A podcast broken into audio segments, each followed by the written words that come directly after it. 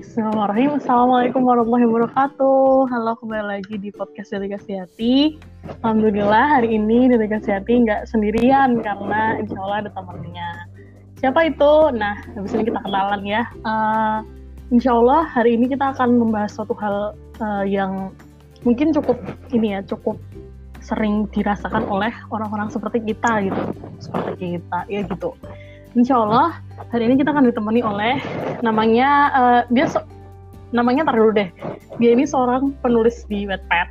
Judulnya kalau teman-teman mau cari tahu judulnya Afterlife. Yang alhamdulillah udah dibaca sama 1,3 juta pengguna. Wih, mantap banget ya sih. Terus ini juga aktif di uh, BEM Unsur dan juga sebagai wakil ketua UKI Visit. Wah, Masya Allah. Dan juga seorang awardee Break Scholarship Batch 4 Unsur. Masya Allah banget ya uh, langsung aja kita kenalan dulu sama Nisa Faustina. Yeay, halo semuanya. Assalamualaikum. Waalaikumsalam warahmatullahi wabarakatuh. Kenal dulu Nina. Ya, kenalan dulu dong. Ya udah udah dikenalin Aina ya. Nama aku Nisa Faustina. Aku sekarang sebagai wakil ketua UKIVISI dan juga menjabat di Adkesma BEM Unsur. Gitu. Salam ya, kenal teman-teman. Aku temennya Aina. Iya kita temenan nih. Ya kan sama musuh temenan gitu. Ya. Ini biar si Nisa Faustina ini punya panggilan nama. Jadi kita panggilnya nih Pau gitu aja ya, biar enak. Oke. Iya, jadi gini Pau. Uh, pertama makasih ya mau datang buat ngobrol eh, ngobrol-ngobrol lah kali ini gitu. Jadi insya Allah ngerasa terhormat diundang sama Aina loh. terhormat ya, ya. Alhamdulillah.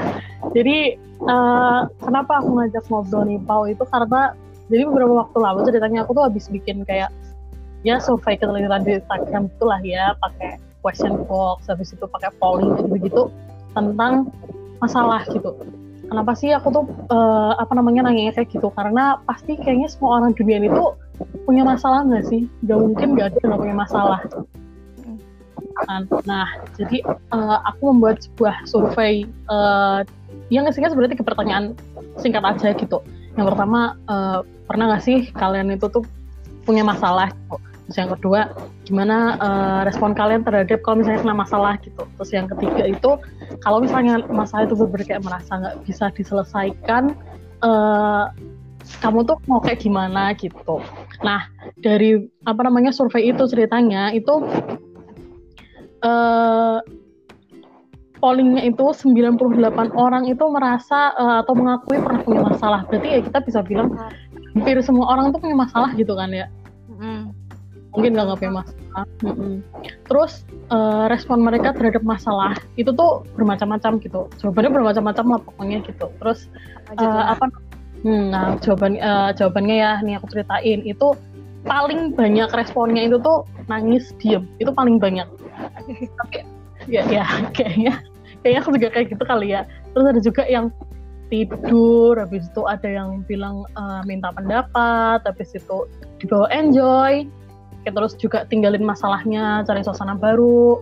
Habis itu ada juga yang pura-pura nggak peduli gitu. Terus ada juga cerita disertai sambat. Nah ini kayak gitu. Itu yang pertama yang tadi ya yang apa namanya uh, respon ketika kena masalah tuh uh, gimana sih gitu terus yang ketiga yang paling terakhir kalau misalnya masalahnya bener-bener gak bisa diselesaikan gitu kita ngerasa nggak bisa diselesaikan tuh responnya tuh juga uh, macam-macam gitu. Ada yang curhat sama Allah minta pendapat ke temen buat bantuin. Intinya kayak minta uh, pertolongan orang lain untuk menyelesaikan masalah gitu. Ada juga yang tetap nangis sampai ketiduran. Aku nih. Terus pasrah terus ada juga yang dipikir sendiri. Jadi dia mungkin nggak nggak nah, mungkin nggak mau cerita sama orang lain gitu ya kali. Terus apalagi ya uh, terus ada juga yang bilang semua masalah itu sebenarnya bisa selesaikan baik-baik cuma nunggu timingnya aja yang pas gitu. Hmm. gitu. Nah, langsung aja lah ya kita ambil ke yang pertanyaan pertama deh. Sebenarnya okay. uh, eh, menurut Nipau nih sebenarnya apa sih itu masalah? Masalah. Mm-hmm. masalah menurut aku tuh hal yang sangat-sangat lumrah dihadapi. Dan masalah itu sesuatu yang men-trigger kita kayak merasa kalau kita tuh sedang nggak baik-baik aja gitu. Jadi masalah itu menurut aku adalah sebuah proses pendewasaan. Karena ketika kalau misalnya hidup kita lurus aja nggak ada keronjolannya kita nggak ada masalah tuh kita hmm. nggak akan berpikir bagaimana untuk menyelesaikan masalah tersebut. Jadi kita pikirannya itu aja. Jadi menurut aku masalah itu adalah sebuah hal yang akan bisa membuat kita jadi menaikkan level gitu. Jadi kayak level up gitu dari diri kita sendiri gitu. Nah. Hmm. kayak game ya. Kan kalau game itu pasti ada kayak uh, level-levelnya tuh. Jadi level satu nanti kalau udah selesai babaknya baru naik level 2 kayak gitulah ya berarti. Jadi menurut kamu tuh uh, semua orang tuh bahkan harus punya masalah gitu. Iya betul. Soalnya kalau hidup nggak ada masalah tuh kayak lurus-lurus aja kan ya dan mm -hmm. kalau misal kita hidupnya lurus tuh kayak nggak ada pengalaman nggak ada pelajaran jadi apa yang bisa didapatkan gitu oke okay. mm -hmm.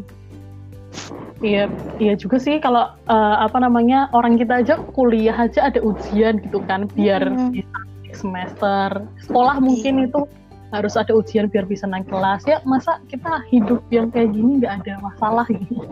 Iya betul. Jadi kalau sekali kita menghadapi sebuah masalah tuh kita jadi lebih kuat gitu loh. Kan hmm. ada pepatah what doesn't kill you itu makes you stronger kayak gitu. Jadi apa yang nggak membuat kita mati itu kita bisa kuat karena gitu. Jadi masalah tuh nggak nggak akan bunuh kita kok. Cuma masalah kalau oh, misalnya iya. kita lewat akan membuat kita kuat. Masalah bunuh kita bener sih terus uh, apa namanya mungkin ini beda konsep ya Pau sama yang mencari masalah gitu kan. Oh, maksudnya ini maksudnya maksudnya uh, kita mikirnya ini masalah ini adalah masalah yang emang kita dikasih gitu bukan kita yang ujian gitu ya. Iya uh, bukan yang kita uh, ribut sama orang gitu. iya itu yang masalah iya benar-benar iya aku jadi keinget pau uh, kalau dosenku tuh pernah ngajarin uh, teori jadi uh teori jadi uh, dasolen tidak sama dengan dasain maksudnya tuh apa? Kayak dasolen itu pernah dengar nggak? Pernah dengar nggak? Ah di Instagram kamu. Iya. Iya benar jadi kayak dasolen tuh ekspektasi dasain tuh realita. Jadi kalau misalnya kita uh, jadi kalau misalnya ekspektasi nggak sesuai realita nah jarak antara ekspektasi dan realita ini menjadi masalah gitu. Jarak jarak antara dua hal ini jadi masalah. Misalnya kita kita ekspektasinya misalnya wah IPK di atas 3,5 setiap tahunnya eh setiap tahun setiap semesternya gitu. Eh ternyata ternyata uh, kurang kayak gitu. Itu itu uh, itu dianggap sebagai masalah. Tapi ada juga yang uh, menganggap bahwa hal kayak gini itu bukan masalah gitu. Kayak uh, misalnya ya udah sih kalau misalnya IPK-nya turun ya bukan masalah itu bukan masalah buatku. Kalau menurut kamu gimana Pau? IPK gitu. Hmm, misalnya kayak IPK lah yang deket banget sama kita lah. Enggak ya. Menurut hmm. aku kalau tolak ukur masalah tuh emang sih berdasarkan uh, ekspektasi kita nak. Aku selalu berekspektasi bangun ekspektasi tinggi gitu loh nah nanti apa namanya realitanya apakah mengecewakan atau enggak itu yang jadi masalah buat aku kayak gitu. Jadi, contoh nih IPK ya IPK aku pengen banget IPK aku IPK aku bagus harus ini harus itu gitu. Aku kayak udah belajar mati-matian udah belajar buat ujian gitu ya. Tiba-tiba ketika hasilnya nggak sesuai sama harapanku itu tuh aku jadi ngerasa ya ini masalah banget buat aku kayak gitu. Jadi hmm. memang sih benar kalau masalah tuh ya dari realita kayak gitu. Realitanya apakah udah sesuai ekspektasi kita atau belum itu Iya sih, jadi kayaknya emang kita nggak boleh banyak ekspektasi apa ya, biar gak usah banyak masalah.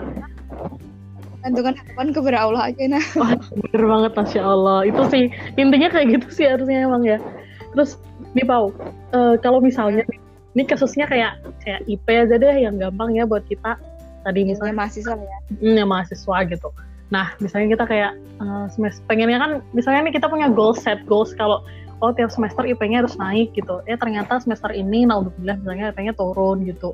Nah itu kan kita jadi merasa oh ini masalah nih buat aku. Nah kalau dari kamu nih uh, cara kamu ngerespon masalah kayak gitu tuh gimana sih?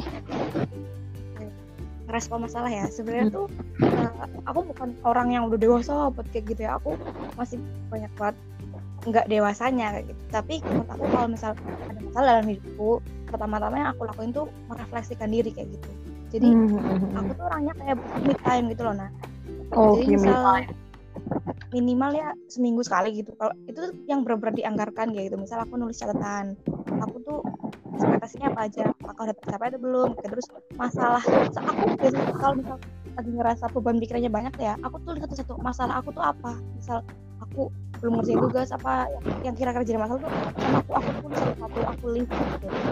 Nah itu kan kayak dari refleksi diri itu nanti aku uh, apa namanya jadi menentukan langkah loh nih masalahku gini nih apa langkah yang aku lakuin? Gitu itu cara aku merespon masalah sih.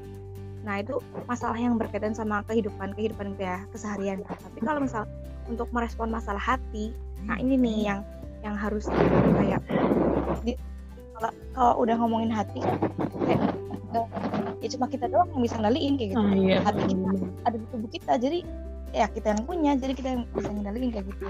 Jadi khusus nih kalau buat masalah hati biasanya tuh aku lihat kondisi hatiku tuh lagi kayak gimana. Misalnya aku ngerasa hatiku lagi kacau kan biasanya gitu ya. Manusia apalagi kalau lagi puber nih masa-masa kita tiba-tiba hatinya kacau banyak masalah gitu. itu biasanya yang dikasihkan kalau aku uh, ruhiahnya aku tuh lagi nggak baik-baik aja gitu ya. Jadi kondisi pikiranku, kondisi hatiku, kondisi imanku tuh lagi nggak bener kayak gitu. Biasanya yang bikin masalah hatiku tuh jadi uh, banyak kayak gitu. Nah makanya kalau misal merespon masalah hati nih, aku pertama lihat dulu dari kondisi ruhiah tadi. Terus, mm. nah dari situ baru deh kayak aku tuh menentukan loh, oh berarti aku lagi kayak gini, berarti apa yang harus aku lakuin gitu. Biasanya sih aku kalau mau ngerespon masalah kayak gitu, jadi aku mikirin dulu loh, aku tuh sebenarnya lagi kenapa, ini gimana dan dan aku yang nentuin pemecahan masalahnya kayak gitu. Karena kita kita kan udah dewasa ya maksudnya iya. umur umur remaja gitu. Dan setiap masalah itu sebenarnya ada jalan keluar masing-masing. Dan enggak semua orang cara penyelesaian masalah itu sama gitu. Hmm. karena setiap orang punya pemikiran yang beda-beda terus punya insightnya beda-beda treatmentnya buat diri kita sendiri beda-beda gitu. Jadi aku yang bisa menyelesaikan masalah diri sendiri ya kita diri kita sendiri. Pertama tadi itu dipikirin dulu. Aku sebenarnya kenapa? Apa aja masalah yang aku hadapi? Nah itu pikir lagi. Kira-kira langkahnya buat menyelesaikan masalah ini apa kayak gitu. Iya iya. Lagi sih. Uh, yang mungkin yang sering kita permasalahkan tuh justru masalah hati nggak sih Pau kayak hmm. orang sih ngomongnya quarter life crisis gitu gitu biasanya ya kita kan udah di umur-umur dewasa apa dewasa awal gitu. Kadang suka ini gak sih tiba-tiba ngerasa uh, bad mood seharian gitu kayak udah nggak mau ngapa-ngapain. Bawaannya pengen, pengen makan aja gitu uh, kayak insecure overthinking apa aja gitu. Ya overthinking aduh ya Allah itu insecure dan sebagainya kayak gitu. Nah itu juga termasuk masalah ya masalah kayak kita mah pengennya ekspektasinya ya hidupnya tenang-tenang aja damai-damai aja gitu. Eh ternyata kita malah ada perasaan insecure lah overthinking lah kayak gitu. Ya sih itu uh, aku sendiri juga ngerasa kayak masalah itu justru penyelesaiannya lebih rumit gak sih daripada masalah-masalah yang lain gitu? Memang menurut aku tuh cara biar kita bisa berdamai dengan hati ya dengan kita berdialog sama hati kita sendiri gitu. Oh iya. Dialog sama hati. Ini ini bagus nih. Kata-katanya bagus nih dialog sama hati. Uh, soalnya soalnya nggak nggak nggak apa ya? nggak nggak sering gitu loh orang-orang aku sendiri juga juga termasuknya eh, nggak uh, terlalu sering gitu emang berdialog dengan hati memutuskan kayak gitu sebenarnya dialog berdialog dengan hati tuh kayak gimana sih Pau kalau versi kamu? Kalau aku ya mm. sebenarnya tuh dengan hatinya aku tuh jadi aku tuh punya selalu pikiran rumit sih kayak aku tuh punya banyak pikiran punya banyak ekspektasi punya banyak mimpi kayak gitu Nah, mm. jadi kalau caranya aku berdialog dengan hati itu tadi aku pikirin aku sebenarnya maunya apa gitu. Terus aku tulisin satu-satu terus aku tanya ke hati, ini bener gak sih yang kamu pengen kayak gitu. Nah, aku nemuin nemuin arah yang aku pengen itu tandanya aku udah berhasil buat dialog sama hati gitu loh sebenarnya aku pengen apa? Gitu. Nah yang kedua aku kan aku tuh iya juga ya nah ngomongin hati tuh jauh dari ruya deh kalau aku yeah. kalau misalnya lagi kuat gitu ya ibadahnya kita hmm. lancar cara buat berdialog hati juga dengan mencari Allah gitu oh. gimana gimana itu bisa uh, baca Quran dengerin kajian kayak gitu mm-hmm. kalau aku ya kalau misal aku lagi uh, moodnya jelek lagi hatinya nggak bener gitu kayak lagi mm-hmm. ruhiyahnya jelek gara-gara aku baca Quran itu sedikit gitu jadi kalau misal aku ih ternyata biasanya tuh kalau misal Ramadan ya kita tuh Ramadan semangat iya tiba-tiba kalau hari biasa tuh kayak satu lembar aja nggak bisa gitu. Biasanya mengindikasikan kalau hati itu lagi nggak benar gitu. Nah berarti saatnya aku berdialog lagi sama hati. Kamu kenapa hati? Kayak gitu loh jadi aku nyari nyari pemecahan masalah kayak gitu dengan dengan memperbaiki ruhiyah gitu. Salah satunya dengan baca Quran dan juga dengerin kajian. Karena aku kajian ilmu tuh penting banget. Karena misal apa hati kita lagi lagi kayak ragu atau bimbang itu cari aja kajian yang gitu. Lah sekarang kan banyak ya YouTube, Instagram, apa jadi buat buat jadi sarana kita buat uh, ngebenerin hati ngebenerin apa kayak gitu. berarti kayak dialog sama hati itu uh, harus diikuti juga dengan kita tuh mikir gitu ya pak kayak mm, sebenarnya uh, kita tuh pengennya apa sih gitu kita tuh hmm. ini tuh lagi lagi kenapa? Aku tuh lagi kenapa gitu. Kayak uh, apa namanya? Misalnya misalnya nih aku ambil contoh langsung aja ya Pau ya. Uh, lagi galau banget lagi galau nggak ngerti overthinking sama semua orang. Misalnya kayak eh aku ngelihat uh, temen temen aku ini udah berprestasi sukses gitu. nah itu kan. Itu sering sering aku aku sering kayak gitu soalnya.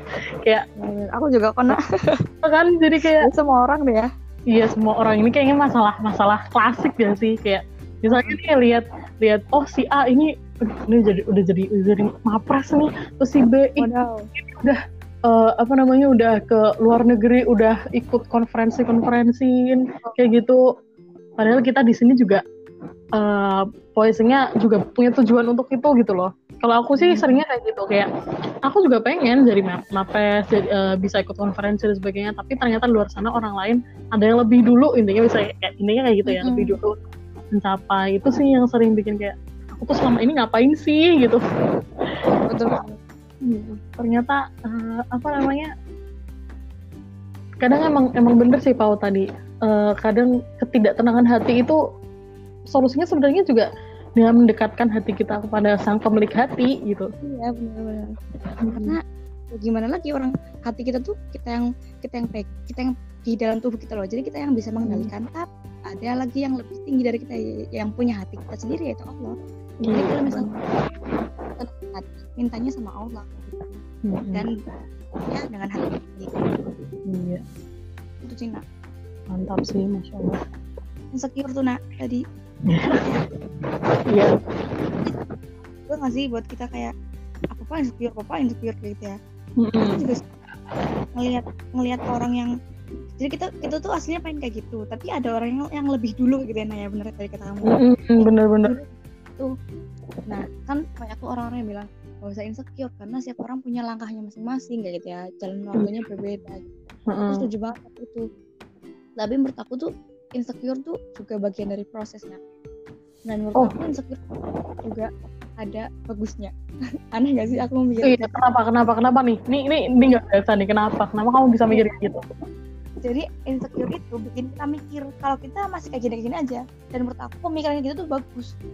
Kenapa? Oh. karena kalau misalnya kita nggak tertrigger kayak gitu misal nih kita lihat ya sekeliling kita semuanya hmm. sama kayak gitu loh prosesnya sama langkahnya sama jadi kita tuh di zona nyaman aja gitu nah oh, ketika okay. misal kita ngerasa insecure tuh jadi ketrigger ih aku tuh masih di sini loh tapi dia ada di sana gitu hmm. insecure itu ya bagusnya kalau misal kita kebanyakan hmm. diri down itu yang jelek dari insecure okay, okay. kalau misalnya dari insecure kita lihat ih orang ini udah maju banget nih aku harus lebih uh. bisa gitu nah itu kan menjadi bagus karena jadi hmm, benar-benar kita dari insecure-nya kita eh tiba-tiba melahirkan sebuah kekuatan buat kita gerak lagi. Menurut aku Wah. oke oke ini juga salah satu how to deal with problems. Nah jadi kalau mungkin kita punya kalau kita bisa mengarahkan masalah itu ke arah yang benar menurut aku it's fine gitu. Jadi insecure nggak apa-apa. Kamu bisa mengarahkan insecure itu kepada jalan yang lebih baik gitu. Oke. Okay. Bertekad lebih baik, bermimpi hmm. lebih tinggi, terus bergerak lebih banyak lagi menurut aku. Berarti kayak kita bisa menggunakan insecure itu sebagai cambuk diri kita tuh biar kita tuh semakin maju gitu. Hmm. Gak hmm, semuanya. Hmm. kita aja menyikapinya gimana. Oke, okay, uh, berarti di sini aku ambil kesimpulannya kayak sebenarnya nggak apa-apa apa namanya uh, kita punya masalah yang bikin kita kayak insecure dan sebagainya itu uh, yang di situ sebenarnya ada dua persimpangan gitu. Kita mau bikin insecure itu sebagai cambuk diri kita buat semakin uh, maju misalnya kayak kita Ih, kok dia udah sukses kayak gitu ya? Kok aku belum? Oh berarti aku harus uh, bergerak nih aku harus uh, segera apa namanya mempercepat langkahku untuk mencapai tujuanku kayak gitu tapi ada juga yang uh, insecure bikin hmm, semakin kayak down, down. mungkin atau kayak me, apa ya me, ah ya mengutuki diri sendiri aku nggak guna dan sebagainya sebagainya kayak gitu kan. Itu gak bersyukur gitu. Nah, iya iya bener sih jatuhnya nggak bersyukur gitu. Berarti itu yang harus dikesampingkan tapi kita uh, harus menjadikan insecure itu sebagai api gitu api untuk membesarkan tekad kita. Betul benar-benar. Jadi nggak selamanya insecure itu buruk lah ya gitu. Asal kita bisa menyikapinya dengan benar gitu. nah iya sip. Nah terus uh, berarti ini ini aku aku juga not not banget itu yang tentang refleksi sih wow. Emang emang seringnya kita tuh kalau dapat masalah itu lebih mengedepankan respon gak sih? Kayak misalnya gini uh, misalnya dapat masalah suatu masalah gitu.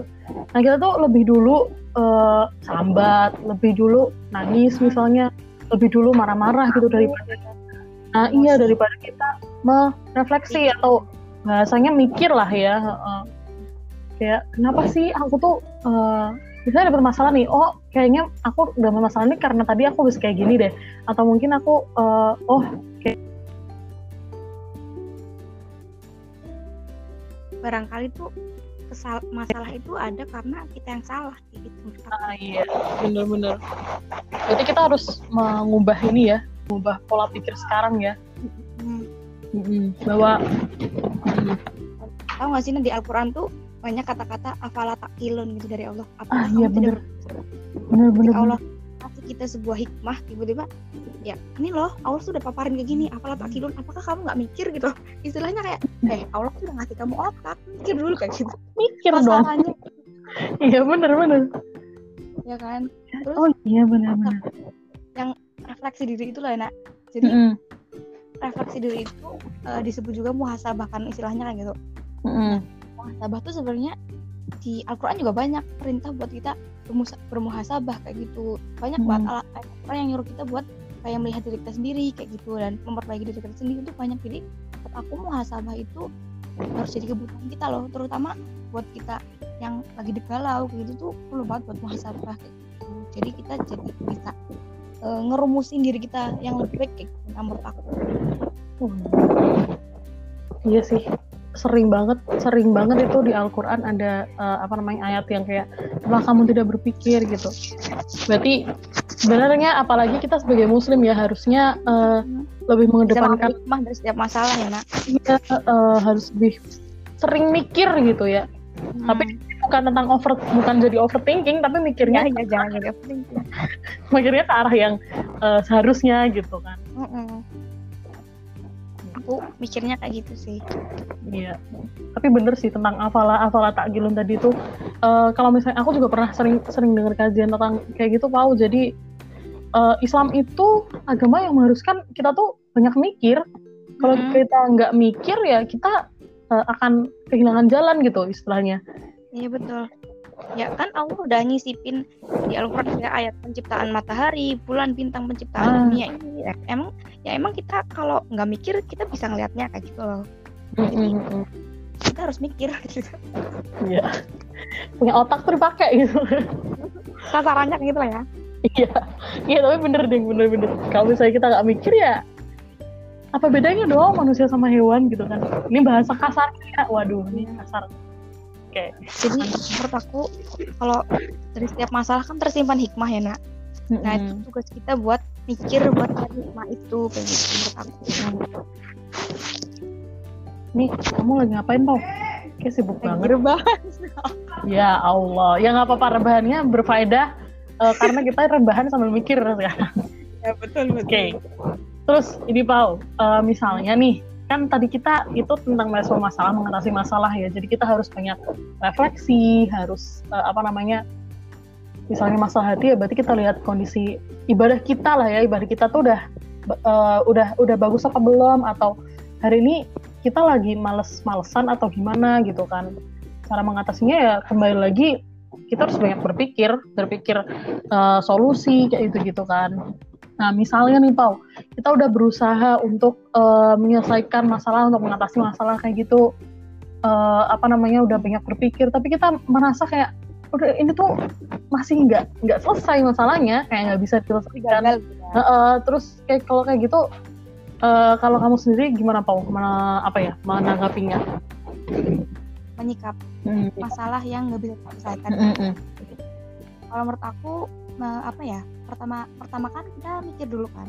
Terus kita membuat solusi tuh. Kalaupun solusinya gagal kita masih punya masih punya jalan-jalan selanjutnya gitu. Hmm jadi menurut aku kalau misal masalah itu pasti ada penyelesaiannya. Oke. Okay. kalau misal diselesaikan misal kita punya teman kita masalahnya sama teman bisa diselesaikan sama maaf kata maaf. Tapi kalau misal udah minta maaf tetap nggak selesai masih ada penyelesaian selanjutnya.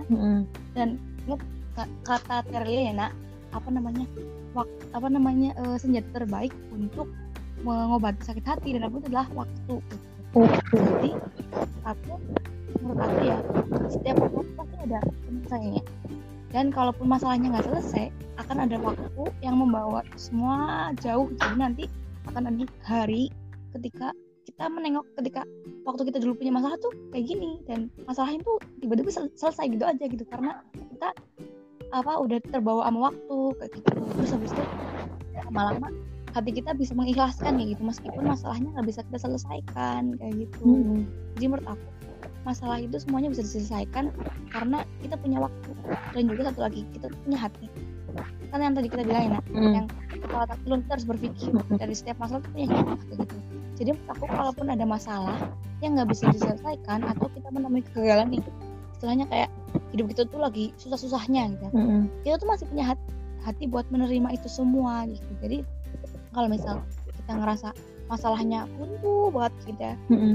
Ketika hati udah terima dengan ikhlas dengan lapang dada, kita tuh pasti akan ngerasa ya udahlah ya gitu kayak udahlah ya gak apa-apa berakhir berlalu aja kayak gitu yang udah berlalu ya udah berlalu kayak gitu mm-hmm. kan biasanya kalau ada orang yang aku minta maaf ya, udah nggak udah berlalu kayak gitu kan mm-hmm. itu karena waktu udah membawa semuanya berlalu dan juga hati kita tuh udah nerima kayak gitu jadi menurut aku how to deal with problems that is unsolved itu ya kita uh, manajemen hati aja biar kita bisa ikhlas nerimanya kayak gitu aku kayak gitu jadi kalau misal ada masalah-masalah yang seperti itu kayak gitu aku juga ngerasa banyak sih kayak masalah ketika aku dulu lah ya aku hmm. SMP aku SMA aku tuh banyak masalah kayak gitu. Ya masalah masalah doi masalah Waduh. sama guru masalah pelajaran. Waduh, ya, ya, ya. kan sebenarnya di masa lalu tuh kayak itu tuh nggak terpecahkan ya uh -uh. tapi ketika udah kita udah sekarang nih dia udah aku udah kuliah ngeliat masa lalu oh ya udah udah berlalu ini kayak gitu. Jadi lama-lama ujungnya terpecahkan sendiri kok. Misal dulu aku pernah musuhan sama orang terus ketika, karena ketika itu kita belum dewasa gitu ya jadi kita nggak nggak nggak baikkan tapi hmm. kalau kita udah ketemu lagi di masa depan misal hmm. ketemu sama orang lagi oh kita dulu pernah musuhan ya? Gitu kan? Oh, iya. jadi ya udah ujungnya waktu bakal ngebawa semuanya. Yang penting tuh hati kita sabar sabar nunggunya sama sabar nerimanya. Jawab gak sih aku? Baru kalau ngelakuinnya aja sus. Ya setidaknya lah Pau setidaknya apa namanya kita berusaha memberikan insight gitu ya. Ya emang bener sih bahwa yang mengatur semuanya itu hati gitu kan. Betul. apalagi juga ada hadis kan uh, kalau misalnya gumpalan gumpalan darah di dalam diri kita ini alias hati ya. Hati ini kalau misalnya uh, jelek ya berarti orangnya tuh jelek. Bahasanya gitulah ya gampang. Uh, ya kalau hatinya baik ya semuanya baik. Mm -hmm, bener-bener. Terus juga ini gak sih apa namanya uh, kita harus inget-inget tentang surat al-nisyirah ayat 5 yang ini pasti udah pari, udah udah pada kenal banget nih sama kayak gini yang setiap kesulitan ada kemudahan. Sebenarnya kayak gitu bisa bisa dijadikan prinsip juga gak sih? Kayak ya hmm. ah, sesulit apa pun tuh pasti nanti di belakangnya ada kemudian nyertai itu udah udah apa ya udah udah patokan lah. Allah tuh kayak gitu.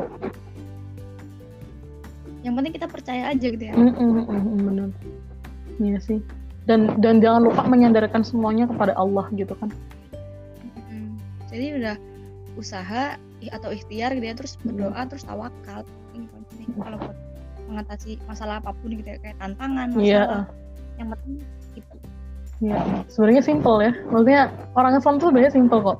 Kalau misalnya ada masalah, bener, bener. kalau ada masalah, coba ke Al-Quran. Gitu. Iya, kalau dicobaan ya sabar. Kita coba ikhtiar. Kalau ikhtiar nggak nggak mau nggak apa ya bukan nggak membuahkan hasil sih maksudnya belum membuahkan hasil ya kita tinggal tawakal aja. Tawakal kalau uh, apa namanya tawakal kalau kita masih belum belum apa ya belum belum tenang lah ya istilahnya ya tinggal berdoa aja sama Allah. Sesederhana itu gak sih sebenarnya? Iya sama Islam tuh bikin hati tenang gak sih ah bener bener, ini ini out of topic ya tapi mm -hmm. aku pernah mikir gini yeah. kasihan banget aku kasihan banget sama orang PKI sama orang ateis. Kenapa nah gitu. Karena setiap agama itu menawarkan kedamaian. Misal nih kita orang Islam punya Al-Quran. Orang Kristen dia punya Injil. Mm. kalau misal lagi sedih gitu bisa baca Al-Quran tuh hati jadi tenang ya. Bagi mereka mungkin orang Kristen kalau mereka beribadah juga mereka jadi tenang ya. tapi kalau orang ateis ya mereka ya, makanya mereka berbuat perusahaan tuh mungkin karena mereka nggak bisa nemuin ketenangan gitu. Hmm. aku lo aku pernah mikir kayak gitu. Gitu. emang. Jadi menurut aku sih segala hal ya pasti kalau misalnya kita balikin lagi ke hati kita sandarin ke hati dan kita balikin sama rumusnya yang menciptakan kita yaitu Allah. Jadi semuanya pasti bakal baik-baik aja kok mm-hmm. insya Allah. Iya benar sih emang.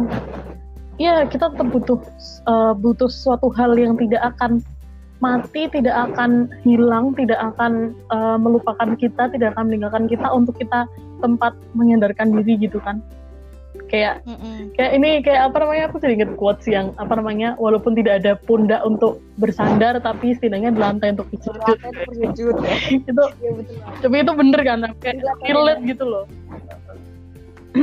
terus juga aku aku pernah ini sih Pau pernah apa namanya nonton dari Quran review yang waktu itu nge-review surat Yunus ayat 12 teman-teman yang lain mengenalkan mungkin bisa dicek aja Qurannya daripada berdebu gitu kan itu kan ada mm-hmm. ada intinya adalah kayak uh, sebenarnya penjelasan tentang bahwa manusia itu uh, kadang itu kalau nggak dikasih masalah dia itu melupakan Tuhannya. Tapi kalau dikasih masalah dia terus balik ke, ke, ke Tuhannya. Kayak gitu kan seringnya. Nah itu sifat alamiah manusia ya, ya sih. Astagfirullah. Astagfirullah kita nggak boleh kayak gitu. Astagfirullah. Nah, ya, nah tapi di situ yang pengen yang yang aku aku apa namanya aku kayak amazed banget kayak kaget banget itu tuh di situ tuh uh, emang sih di terjemahannya tuh ini apa uh, apabila ditimpa masalah gitu kan. Tapi dari bahasa Arabnya itu kan pakai waida masa gitu. Nah masa itu artinya tuh sebenarnya disentuh menyentuh gitu. Nah berarti kan kayak kayak ibaratnya gini waida masa berarti Cuma nah iya masalah tuh kita tuh disentuh sama disentuh mat eh bukan kita disentuh kita itu kena sama masalah itu cuma disentuh doang. Kita cuma disentuh sama masalah naiknya disentil doang gitu ya iya kayak sentil tuh kadang masih ada gaya yang ber ber ini pau ber apa bekerja. Tapi sentuh tuh kayak iya. kamu disentuh sentuh orang. kayak gitu. Orang tuh kan cuma kayak ya udah nggak sakit nggak apa. Kayak ya udah gitu kan. Itu tuh kita baru disentuh doang. Nah, kayak ya Allah itu baru disentuh doang loh belum kayak ditonjok apa di uh, di kuliti apa dia apa enggak tapi disentuh. Ya kadang kita udah kayak ah, sedih atau apa namanya? Ya pokoknya responnya udah kayak aduh berlarut-larut. Hmm, kita cuma disentuh masalah. Ini baru dunia ya. Makanya kayak dari situ aku berpikir ya, ya kalau gitu eh, kalau misalnya kita dapat masalah harusnya nggak nggak nggak nggak harus se sedaun ini dong. Yang penting kita ya itu tadi kita balik ke prinsip awal kita ikhtiar. Ikhtiar ya tawakal tawakal dan juga doa udah kayak gitu aja. How to deal with problems yang sebenarnya itu ya kita ikhtiar dulu. Kita uh, coba untuk mencari solusi penyelesaian masalah ini kayak gimana sih gitu. Nah setelah penyelesaian masalah solusinya udah kita uh, kita lakukan tinggal tawakal aja serahkan semuanya kepada Allah biar Allah yang uh, mengatur apakah masalah ini akan selesai atau tidak. Kalaupun enggak ya kita balik lagi ke ikhtiar lagi. Kalau iya ya alhamdulillah. Terus jangan lupa juga doa karena aku pernah dengar ini nih dari apa namanya kajian juga sih bahwa doa itu adalah ibadah yang paling mudah nggak sih kita lakukan? Kayak kita tuh di mana pun bisa berdoa loh. Itu doa aja gitu ya. Mm -hmm, kayak gampang dikasih hadiah juga sama Allah. Mm. kita cuma ngomong misalnya ya Allah aku uh, ya Allah aku capek banget aku pengen istirahat kayak gitu doang kan udah termasuk doa nggak sih? Aku mikirnya gitu sih. Iya sih kayak lagi curhat sama Allah kayaknya mm -mm. Insya Allah lah emang uh. Gila ini sampai mana-mana tapi asli ber, ber uh, insya Allah semoga berbobot ya tapi setidaknya bisa aku asik, asik enak ngobrol enak iya. Emang kalau kayak gini tuh asik ngobrol daripada aku sendirian kan bikin podcastnya gitu. Jadi uh, di sini aku mendapatkan kesimpulan gitu. How to deal with problems yang sebenarnya itu ya uh, caranya cuma bukan caranya cuma ya caranya emang adalah pertama kita harus ikhtiar dulu gitu. Uh, gimana sih uh, apa yang bisa kita lakukan untuk memecahkan masalah itu gitu. Dan juga jangan terburu-buru untuk merespon masalah tapi uh, berpikir dulu berpikir tentang masalah itu. Nggak langsung misalnya nih kayak kita kena macet langsung marah-marah woi oh dan soalnya kebun binatang keluar semua nggak kayak gitu. Tapi kita harus berpikir dulu kenapa sih? Dan apa sih yang bisa kita lakukan? Nah kalau sudah ikhtiar kita serahkan aja ke Allah kita tawakal. Ketika apa yang kita yang manusia lakukan sudah selesai maka setelah itu tinggal urusan Allah untuk menentukan. menentukan apa yang akan terjadi selanjutnya. Kan cuma Allah kan yang tahu masa depan kita kayak gimana dan sebagainya. Asal kita sekarang udah menjalankan suatu hal sesuai dengan uh, porsinya ya ya udah balikin aja Allah. Dan jangan lupa ah, emang masih mantap. Wah gak kerasa loh kalau kita udah hampir 40 menit. Ya enggak deng 36 36 menit lah kita berbincang-bincang tentang masalah tentang uh, deal with problems. Karena emang sejatinya kan semua orang tuh pasti punya masalah. Nggak nggak mungkin nggak mungkin nggak. Dan lagi masalah itu uh, kalau aku apa sum up dari Nipau tadi ngomong masalah itu sebenarnya suatu hal yang wajar karena dengan masalah kita akan jadi naik kelas atau ada hal yang bisa kita pelajari gitu ya Pau ya dari masalah itu. Karena kalau misalnya di hidup kita nggak ada masalah lurus-lurus aja justru nggak asik. Terus nggak ada nggak naik kelas. Nah iya nggak naik kelas nggak ada nggak ada pelajaran yang bisa kita uh, ambil di dalamnya gitu. Wih mantap. Kayaknya ini sebenarnya kalau mau dilanjutin tuh bisa berjam-jam gak sih ngomongin kayak Oh berjam-jam. Tahan enak kita. Ya, tahan dong. Tapi ya uh, semoga dengan waktu yang sedikit ini tetap ada hikmah yang bisa diambil. Untuk semoga bermanfaat teman. Pokoknya makasih. Uh, mungkin cukup sekian aja ya Pau ya. Makasih juga buat Nipau yang udah meluangkan waktunya untuk berbincang selama uh, ya orang lebih 40 menitan lah ya ini. Uh, semoga mm -hmm. perbincangan kita ini juga nggak berhenti sampai sini aja tapi juga kita sama-sama belajar untuk mengaplikasikannya belajar untuk mengingatkannya apabila itu uh, suatu kebaikan. Kan uh, apa namanya kita harus selalu beramar ma'ruf nahi mungkar ya kan? Betul. Hmm. oke mantap.